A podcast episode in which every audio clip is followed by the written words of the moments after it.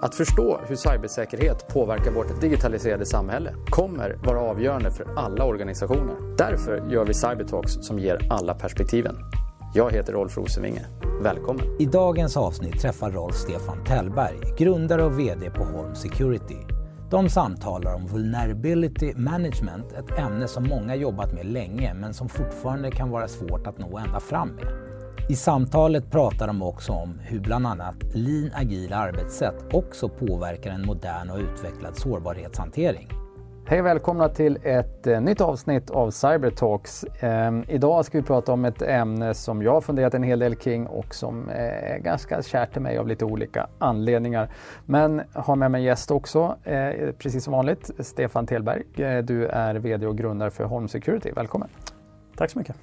Jätteroligt att ha dig här. Ehm, vi har ju sprungit på varandra genom åren i lite olika sammanhang. Ehm, och när jag funderade på att göra ett avsnitt kring vulnerability management så tänkte jag att det här blir perfekt för ett litet snack med dig. Men du, kanske Absolut. för lyssnarnas skull en kort intro också bara till dig. Berätta. Precis, vem jag? Eh, en, en, en, eh, gör en eh, lång historia kort. Nej, men jag är väl en typisk entreprenör inom IT, IT-säkerhet. Eh, startade mitt första företag eh, redan på gymnasietiden. Eh, och sen har det egentligen bara rullat på. Det är liksom den korta varianten. Eh, det jag eh, har gjort som kanske några av lyssnarna också känner igen, det är väl mitt, min senaste kreation som var Stay Secure. Alltså innan Home Security, innan vi startade Home Security. Som jobbade med på säkerhet. Som var stor inom det. Eh, sålde det bolaget i slutet av 2014 och sen Um, hade vi inte riktigt tröttnat på varandra, vi som drev det bolaget, så vi tänkte vi ska köra ett nytt IT-säkerhetsbolag. Och då tänkte vi sårbarhetsanalyser eller vulnerability management. That's the shit. Och så körde vi på det. Och det var ju helt rätt, mm. har det visat sig. Så det är kul. Roligt. Var kom intresset eh, just kring IT-säkerhet eller cyber? Eh, hur kom det sig att det var, det var där så att du valde att, att liksom landa? Ja, alltså eh, jag har väl alltid haft någon liksom, drivkraft att hitta enkla lösningar på stora utmaningar, om man säger så, eller liksom stora problem. Eh, och, och, kanske egentligen inte haft någon större fallenhet för liksom, avancerad teknologi eller liksom high-end på det sättet, eh, spets eller spjutspetsteknologi.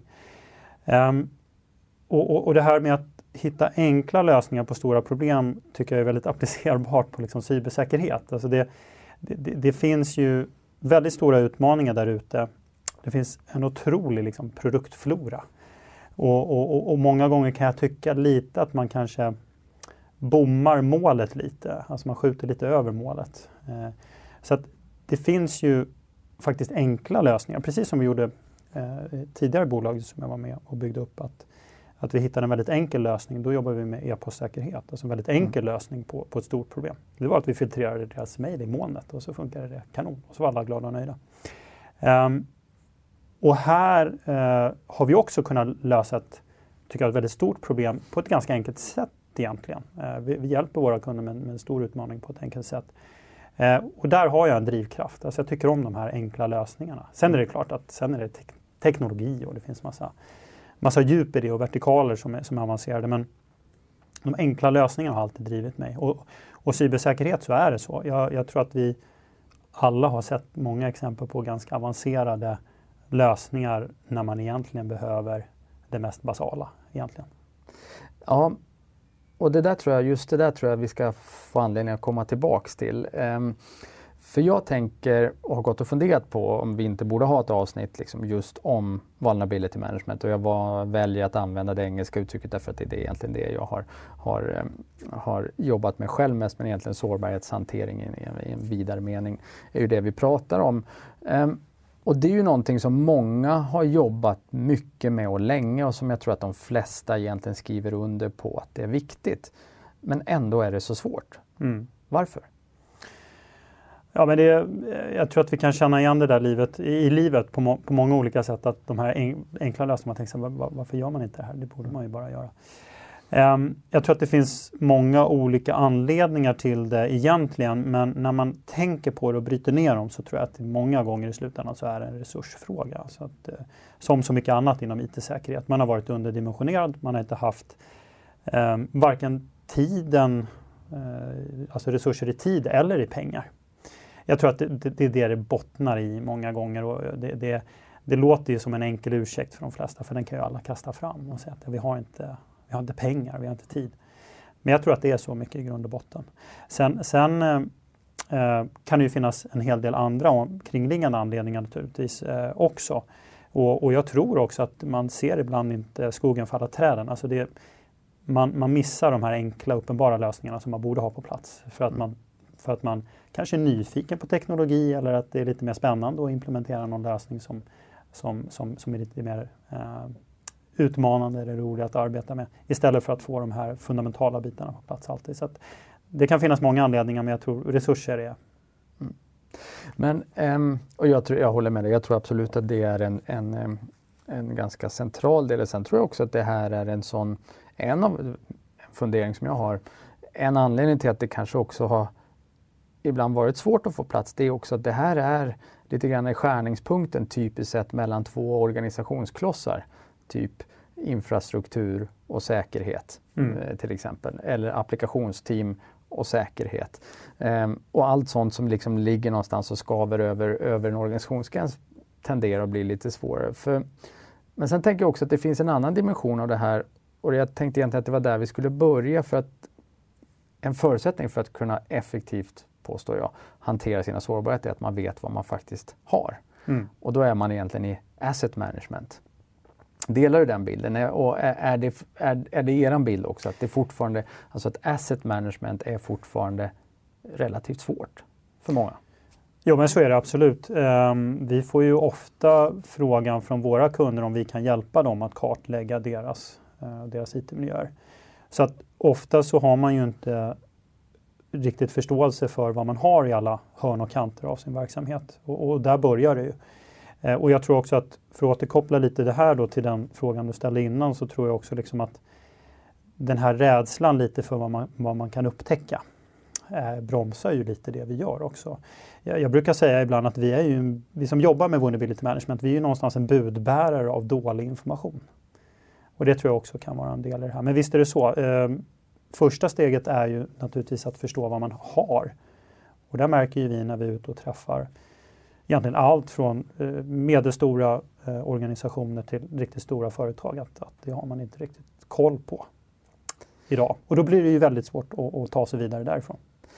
Precis, och, då, och, och, det, är ju, det är ju en reell verklighet för många. Och det, där är jag också lite nyfiken på alltså hur du tänker kring det. Alltså för att om man är säkerhetschef så kan man ju då antingen konstatera det och så kan man säga att med de resurser som vi har, ska vi då hjälpa andra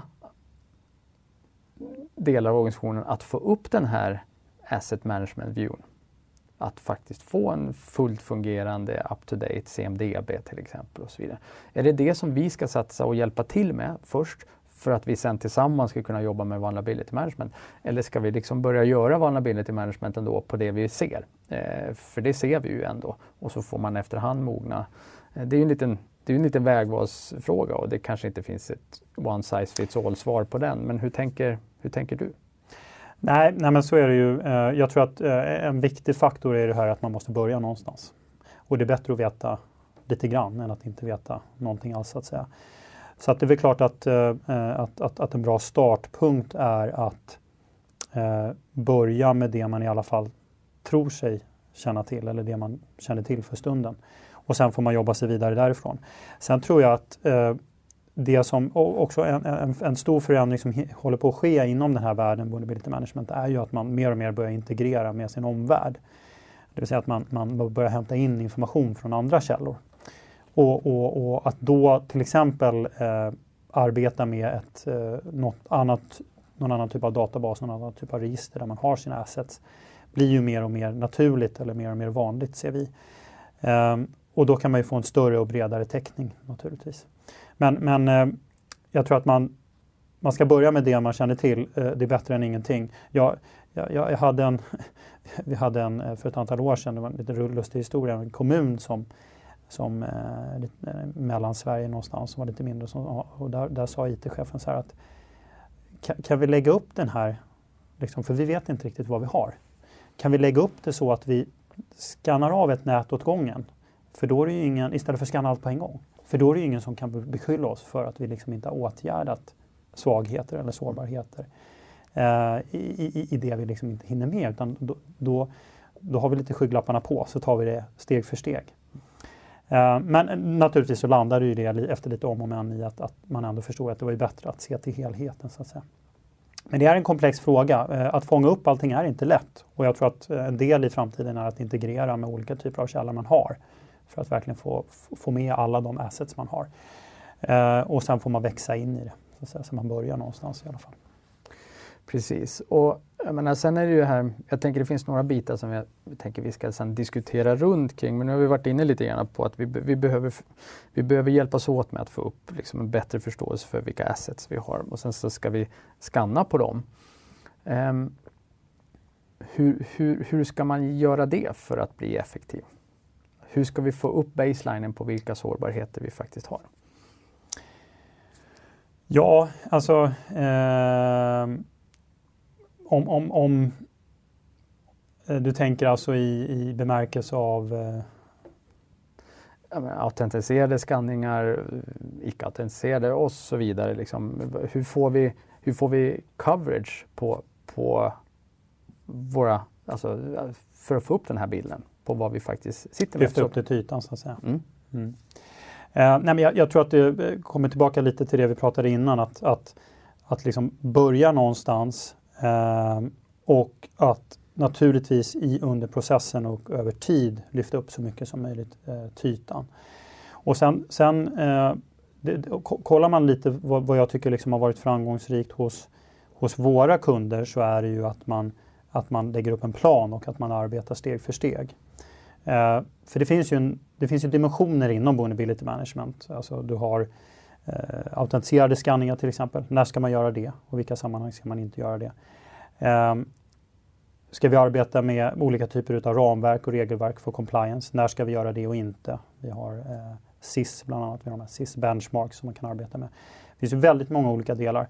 Den metodik som vi försöker jobba mycket efter är ju eh, att verkligen ta det steg för steg och börja med det uppenbara och sen vartefter man får in rutiner och arbetsprocesser runt omkring vulnerability management så kan man addera på mer komplexa och gå lite mer på djupet så att säga. Autentiserade skanningar till exempel är ju en sån del som är högst intressant att göra för affärskritiska system, system som verkligen är liksom viktiga för, för verksamheten. Ehm, och, och, och, och, en hel del andra delar man kan arbeta med också liksom för, att, för att mer gå på djupet. Men steg för steg är det. Vi, vi, Eh, vi, vi pratar mycket med våra kunder om någonting vi kallar Q10, vilket står för Quarter och 10, eller 10. Eh, det innebär att man ska i alla fall börja någonstans och sätta upp ett mål som är att man ska lösa 10 unika sårbarheter varje kvartal. Och sen jobba sig vidare därifrån. Så att, eh, steg för steg är nog det viktigaste. Men det är bra och, och sen så, så kommer du också in på en, en annan punkt av att få det här att fungera liksom wing to wing. Som jag tycker eh, man också har sett och diskuterat och som jag själv kommer ihåg när jag var CISO att vi satt och funderade en del kring. Och det är ju sen, behöver man ju lägga på någon form av liksom risk-based approach när vi väl har eh, så att säga, fått upp vår baseline på att det här sitter vi med och som du var inne på initialt, vilket jag tycker är en viktig poäng, sen har vi inte oändliga resurser. Så någonstans måste vi också börja prioritera vilka av sårbarheterna vi ska, vi ska jobba med. Um, hela den här, har, du, har du några liksom tips eh, kring hur ska man jobba med den där riskscoringen eh, och så att man väljer att jobba på rätt saker? Mm. Jo men absolut och, och, och, och här är det också nog lite finns det en risk att man liksom eh, att, att man gör lite för avancerat. Att man tänker på för många faktorer. Eh, när vi pratar med våra kunder så försöker vi förenkla det återigen så mycket som möjligt. Och, och i huvudsak prata om två stycken faktorer som man ska jobba med för att förstå i vilken ordning och hur man ska prioritera de, de, de sårbarheter man har. Och, och, den metodiken är väldigt enkel egentligen. Det handlar ju om att man... För att vi har ju alla de här databaserna som kan så att säga vi är alltid ganska korkade, men de sätter ju en, en, liksom en, en poäng, sätter ju varje sårbarhet och säger att så här allvarlig är den. Men det i sig säger ju inte så mycket för den enskilda kunden eh, och i det enskilda sammanhanget för kunden. Eh, men det vi tillför det vi jobbar med till exempel är ju att man, att man sätter en, en, en riskvärdering på varje asset och sen i kombination med den sårbarheten eh, och den eh, grad av ja, hur så att säga, allvarlig den sårbarheten är så får man ut ett, ett värde. Väldigt enkel algoritm, väldigt enkel metodik men ändå väldigt effektiv. Och då skapar man ju en helt annan möjlighet att kunna prioritera och arbeta utifrån en risk score då kan man säga och sen eh, då börja med det som är allvarligast, det som är känsligast och sen jobba sig ner. Och det kan ju vara så enkla saker som att man eh, sätter en, en, en, högre risk på sån utrustning som naturligtvis är till exempel ut mot internet då, som, som, som alla kan komma åt. Eh, som, som vem som helst skulle kunna försöka göra ett intrångsförsök i. Eh, och då får det en högre riskscore och därmed så är det högre prioriterat. Ehm, jag tror att det är ganska, man ska börja ganska enkelt där. Eh, och sen finns det massa, massa mer parametrar och eh, faktorer att väga in. Eh, men jag, vi har nog sett ganska många exempel på där man gör det lite för komplext. Återigen, man skjuter lite över målet. Istället för att ta de enkla värdena och få fram någonting utav det så, så ska man väga in mycket mer faktorer och så blir det för komplext.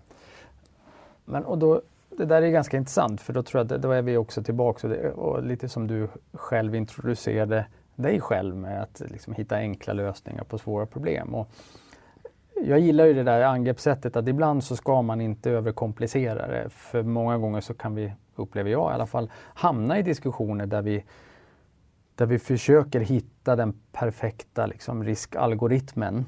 Eh, men det är ju lite som du säger att men, sårbarheten har, har en score. Har vi en score på våra liksom, kritikalitet på våra assets och så, och så matchar vi dem mot varandra så blir det pretty straightforward. Eh, och det räcker nog ganska långt i många fall mm. eh, att inom situationen bara få till det.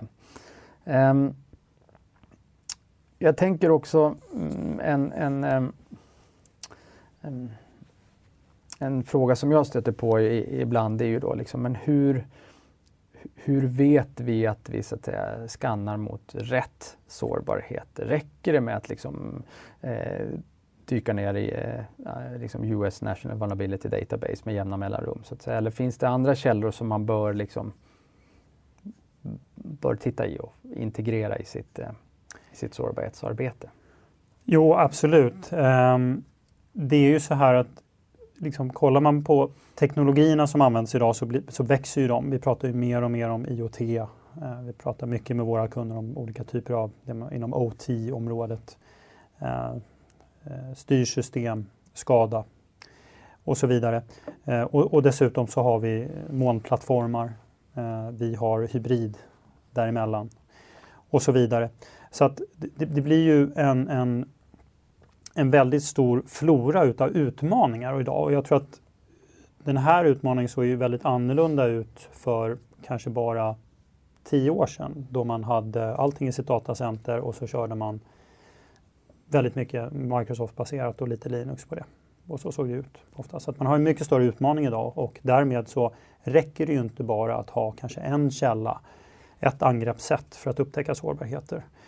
Eh, vi har också, som vi jobbar mycket med, applikationer. Jag menar, det är en del av digitaliseringen, mer och mer, blir, mer, och mer tjänster blir tillgängliga som applikationer, eh, API öppnas upp och sådär som vi också jobbar med. Så att jag tror att man måste tänka betydligt bredare och, och, och, det, och, det, försöker vi göra i alla fall så att vi matchar många olika typer av teknologier. Man måste inte nödvändigtvis vara superbra på varje, men i alla fall att man kan möta de här utmaningarna som man har. Eh, både det man har i sitt datacenter, molnet, eh, IoT, eh, styrsystem i, i tillverkande industri till exempel. Eh, och här måste man ha flera källor. Eh, och, och, där kan jag bara ta oss själva som exempel. Vi jobbar ju på många olika fronter med det här för att hämta in så mycket information som möjligt för att till slutändan kunna hjälpa våra kunder att upptäcka svagheter. Så att, eh, att ha en källa idag räcker nog inte därför att eh, man har inte en teknologi. Man har väldigt många olika delar i sin IT-miljö. Just det. Och om man liksom tänker då kanske den röda tråden i samtalet här, då har vi pratat om att liksom först förstå sin, sin egen miljö och sen förstå hur man får coverage på, på den miljön. Eh, och sen få upp ett antal eh, sårbarheter och så har vi pratat lite grann om hur man sen prioriterar mellan dem och riskbaserad approach och så vidare. Och vad man, vad man behöver så att säga korrelera mot. Men nu börjar vi också närma oss då när vi faktiskt ska börja ta action. Mm. Eh, och jag menar, alla känner ju till liksom Patch Tuesday och, och, och, och, så vidare. Kommer, kommer det konceptet att leva vidare? Eller har vi, har vi glömt Patch Tuesday om ett par år? Ja, eh, alltså jag, jag tror, lite så tror jag det. Jag tror, jag tror, inte att det är ett koncept som kommer leva för evigt. Ehm, jag, jag, tror att vi måste, alltså hela den här världen går ju mot något mer kontinuerligt och integrerat arbetssätt. Eh, vilket ju också liksom skapar mer kontinuitet. Och då, eh, vi kanske, om, om vi tidigare så att säga, gjorde insatser någon gång om året och sen så nu så pratar vi om att vi ska jobba i veckocykler eller månadscykler eller som vi pratar med våra kunder om mycket om kvartalscykler och sen ska man sprida ut arbetet under ett kvartal. Så tror jag att vi går mot ett mer kontinuerligt arbete där vi också distribuerar ut arbetsinsatserna i, i vår organisation. Vi kanske inte har en person eller ett par som sköter det här utan det, det, fördelas ut på, på väldigt många olika ägare av olika system och ansvariga för olika system. Men det har ju också med teknologin att göra. Jag menar, du kanske inte har en person idag som kan allting. Eh, utan, utan alla de här teknologierna ställer krav på väldigt många olika resurser. Mm. Um, sen finns det ju saker som faktiskt inte går att patcha. Det är ju ganska vanligt. Mm tror jag vi alla känner igen. Eh, och det kan ju vara av en mängd skäl. Eh, att det är just det där superkritiska kundsystemet som eh, faktiskt inte tolererar någon som helst risk för, för nedtid och så vidare. Så att man helt enkelt kommer igenom av den anledningen. Och det kan finnas en massa andra skäl. Men, men hur ska man hur ska man hantera de situationerna över tid? Eh, ska man formalisera liksom risk acceptance-processer? Eller alltså hur, för någonstans måste vi ha koll på att mm. vi väl, aktivt väljer att inte göra någonting fast vi vet att vi sitter med en sårbarhet. Nej men precis, det är, det är en väldigt bra fråga. Det här är ju en utmaning som alla som har jobbat med vulnerability management känner till, som, som du är inne på här. Det, okej, ja, men nu har vi vår fina plattform på plats och nu har vi upptäckt sårbarheter, men fan, vi kan inte patcha det här systemet. Det går ju inte. Det finns, kanske inte ens finns en patch. Um, och då måste man hantera det på olika sätt. Och, och, där kan, och, och då finns det olika dimensioner av det. Den ena delen är ju naturligtvis att man har rent praktiska stöd för att jobba med det här. Vi har ju eh, till exempel i vår plattform har vi möjligheter att, att, att kunna skjuta på, så att säga. vi lägger det här åt sidan men sen poppar det upp automatiskt lite längre fram. Mm.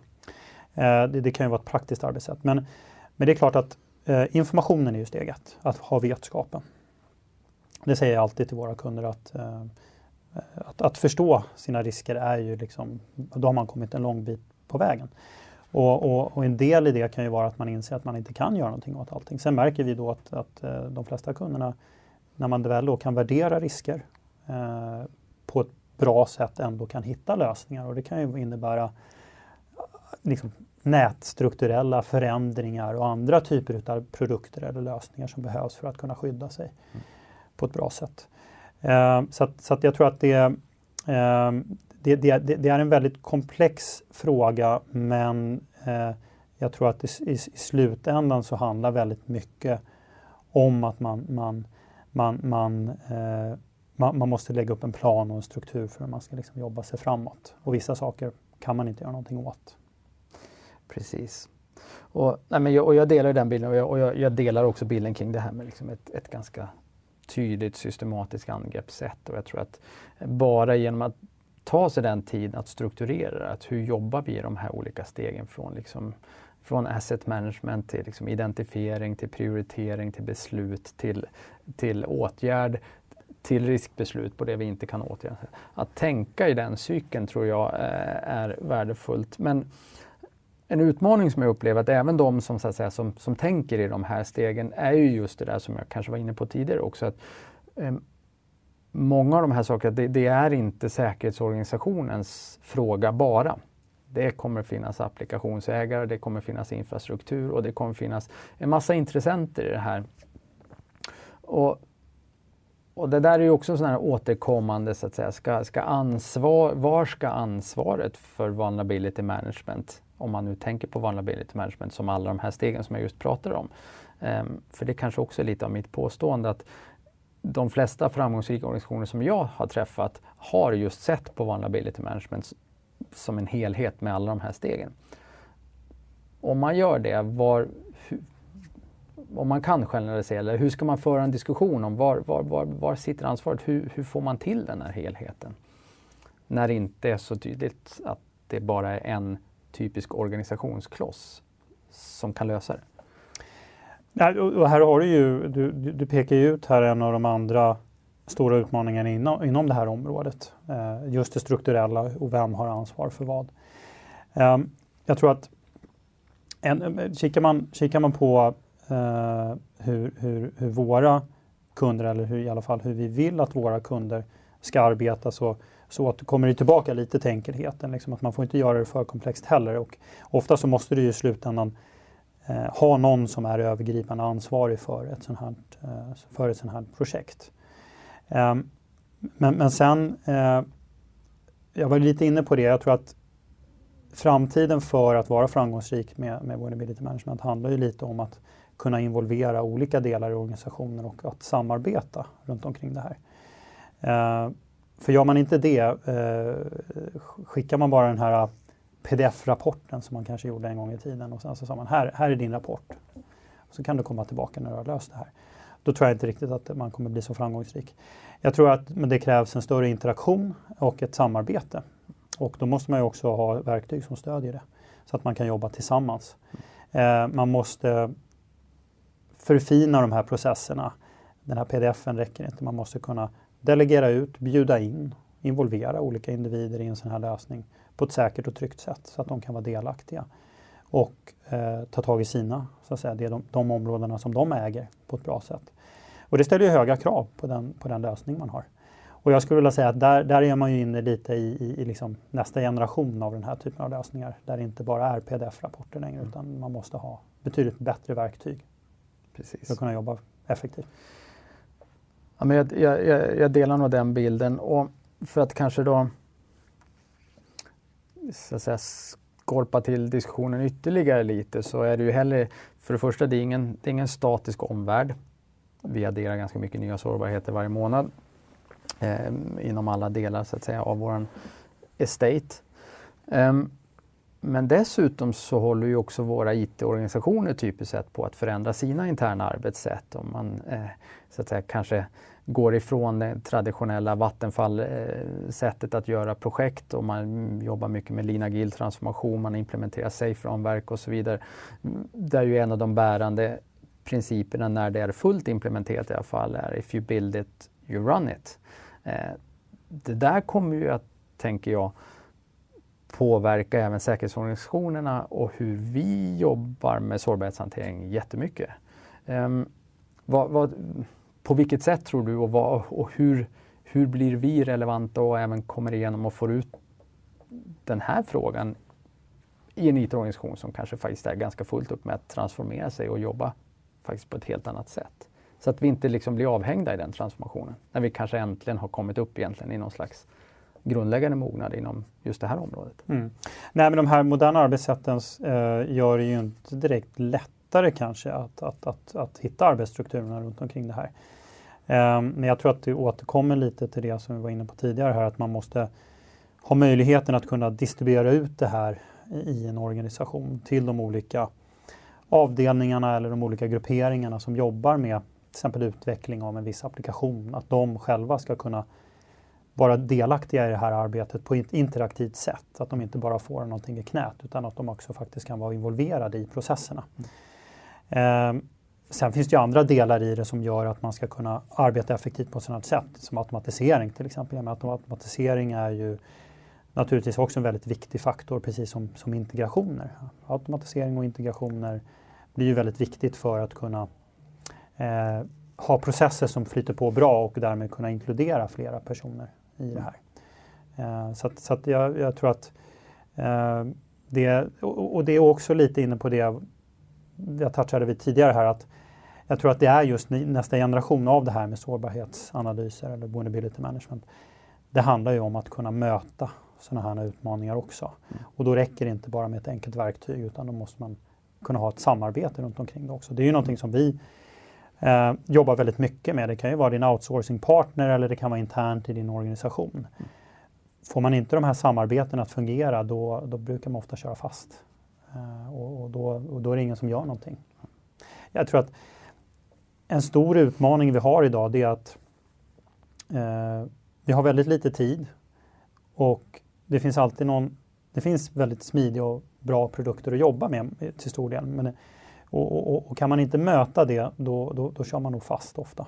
Alltså det, det är så stor konkurrens idag runt omkring produkter, plattformar och verktyg. Så eh, liksom, lyckas man inte få till det väldigt bra där och ett väldigt smidigt och bra arbetssätt, då tror jag att man blir avhängd. Mm. Och så är det ju även inom det här området. Då kommer man ju falla efter. Så att, nej, det, det, det, det, det är en stor utmaning.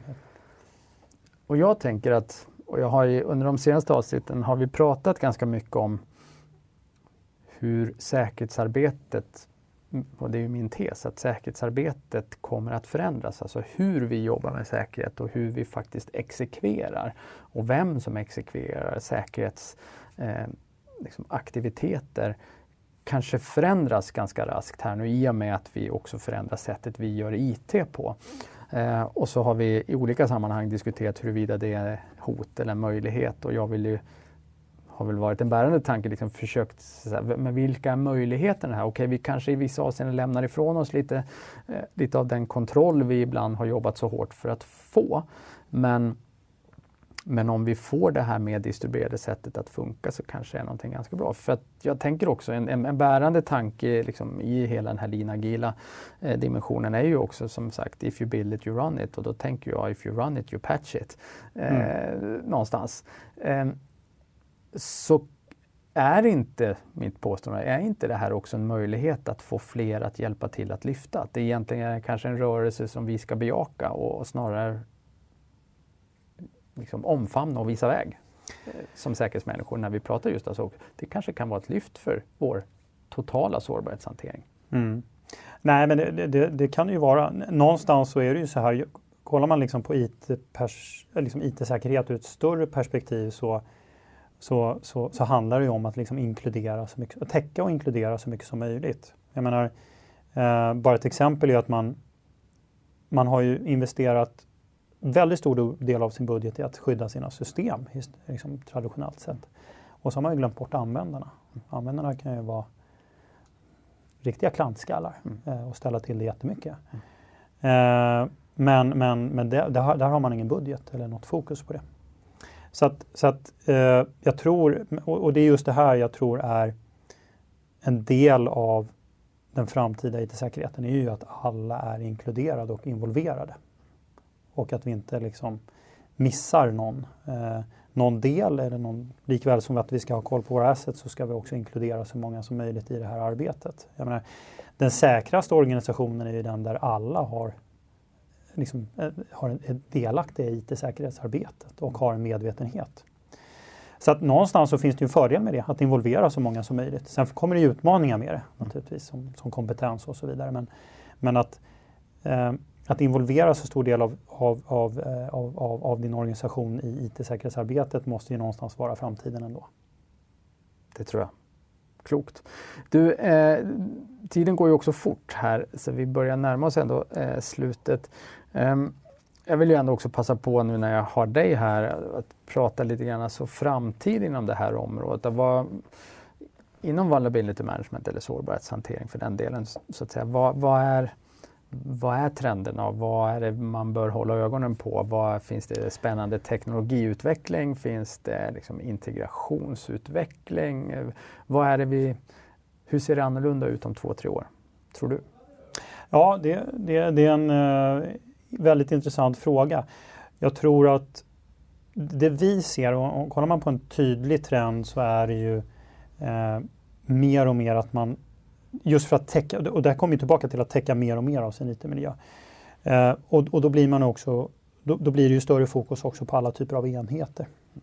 Så en trend vi ser är ju att man då vill bredda sitt perspektiv och att okej, okay, vi, vi, vi, vi, har kontroll tycker vi över våra affärskritiska system. Hur är det med alla devices där ute? Så där har vi ju en tydlig trend att man vill in i, i, i alla typer av enheter och egentligen göra samma typer av analyser som man har gjort traditionellt sett i, i, en, i en traditionell server. Mm. Eh, där, där har vi en tydlig trend. Men den drivs ju också på av, av, av så som vår omvärld har utvecklats med, med Eh, med pandemi och annat. Eh, digitalisering som pushas framåt i hög takt. Mer arbete på distans. man, man förlorar kontrollen i större utsträckning över de här olika enheterna man har. Eh, mycket mobilt arbete på distans kommer ju bli ännu mer nu naturligtvis när vi inte alltid kan, kan träffas på samma sätt, varken på arbetsplats eller på andra sätt. Så att, det här är en tydlig trend, trend som vi ser. Eh, sen, eh, vi, vi jobbar ju på ganska intressanta saker som jag också tror är framtiden och det är ju att sammanväva det som händer i vår dator till exempel med hur jag agerar i olika typer av sammanhang. Simulering av social engineering till exempel som vi jobbar med. Eh, och på så vis kunna identifiera eh, svagheter och sätta en, en risk score så att säga på, på, på individen också. Det här tror jag är någonting som kommer komma mer och mer. Användaren har varit bortglömd i stora hela. Man har satsat väldigt mycket på system. Eh, användaren kommer nog komma mer och mer i fokus också. Och det hänger ihop lite naturligtvis med eh, att, att, att, också ha ett bra skydd eller bra förståelse på vad som händer i, i, i din laptop. Ja, men det är bra och jag tror att du är inne på någonting spännande eh, och eh, just det här att vi kanske om ett par år har behövt vidga så att säga begreppet att tänka på sårbarheter i ett bredare eh, sammanhang, ungefär som du, du säger. Att det, eh, vi har historiskt sett fokuserat väldigt mycket på, så att säga, liksom, här har vi sårbarhet i operativsystemet som är det är den här med den CV-numret och så vidare. Men, men vi kanske behöver tänka mer, som du, jag tror du använde ordet, svagheter eh, i, i en bredare kontext. Ja, men det, det, det, tror jag. Jag tror att det här blir en naturlig del när man börjar lyfta lite på blicken så inser man ju faktiskt att, att det, är ett, eh, det här är, det är mycket större än så. Det är ju inte bara våra system. Det kanske finns andra sätt att ta sig in eller eh, orsaka skada i vår organisation än, än, att man utnyttjar ett system som inte är patchat. Det, det kan mycket väl istället vara individen. Precis. Spännande. Du, vi brukar också alltid avsluta med att be gästen tipsa om en bok, en film eller för den en podd eller någonting som har antingen informerat eller inspirerat. Och eh, jag är såklart också nyfiken på vad, vad du har med dig idag. Ja, eh, nej men, eh, med risk för att vara lite, lite cheesy. Alltså jag, jag, jag har ju alltid äh, tyckt att en, en person som i vissa sammanhang varit lite kontroversiell eh, eh, har varit en förebild och det är ju Zlatan Ibrahimovic.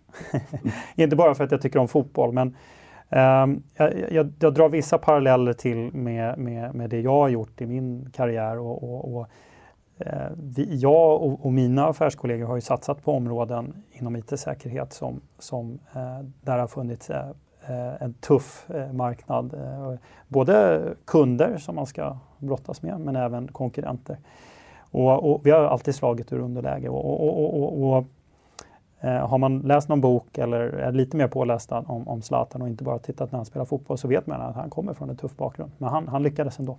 Och det där eh, har jag nog ändå haft lite som förebild. Att, att eh, det går att lyckas eh, och det går att slå underläge. Och eh, många kanske inte tror på den i början. Så var det för honom också. Han var inte jättebra i ungdomsåren. Ehm, man har möjlighet att, att faktiskt bli riktigt, riktigt duktig på det man gör och lyckas väldigt bra. Och det där har jag sen fått in lite, tror jag, tänket i, i det vi gör, inte minst nu på Home Security, att, eh, att vi ska nog fan visa att, att vi, vi kommer lyckas väldigt bra med det vi gör. Mm. Kul och tänkvärt och eh, jag håller med. Och det finns ju få saker som är så kul som att träffa människor som har passion för det de gör. Och har man passion så brukar det också bli ganska bra och då klarar man också att slå under, ur underläge kanske. Så att, äh, jättebra tips. Ehm, jag håller med. Eh, boken eh, om hans bakgrund är också faktiskt väldigt spännande eh, och överhuvudtaget en spännande, spännande personlighet. Kul! Eh, Stefan Telberg, eh, VD och grundare Home Security. Vad roligt att ha med dig här idag. Tack för att du kom. Tack så mycket. Och till alla lyssnare, until next time. Podden är ett samarbete mellan Cyber Insights och Orange Cyber Defense och spelas in och klipps på Media.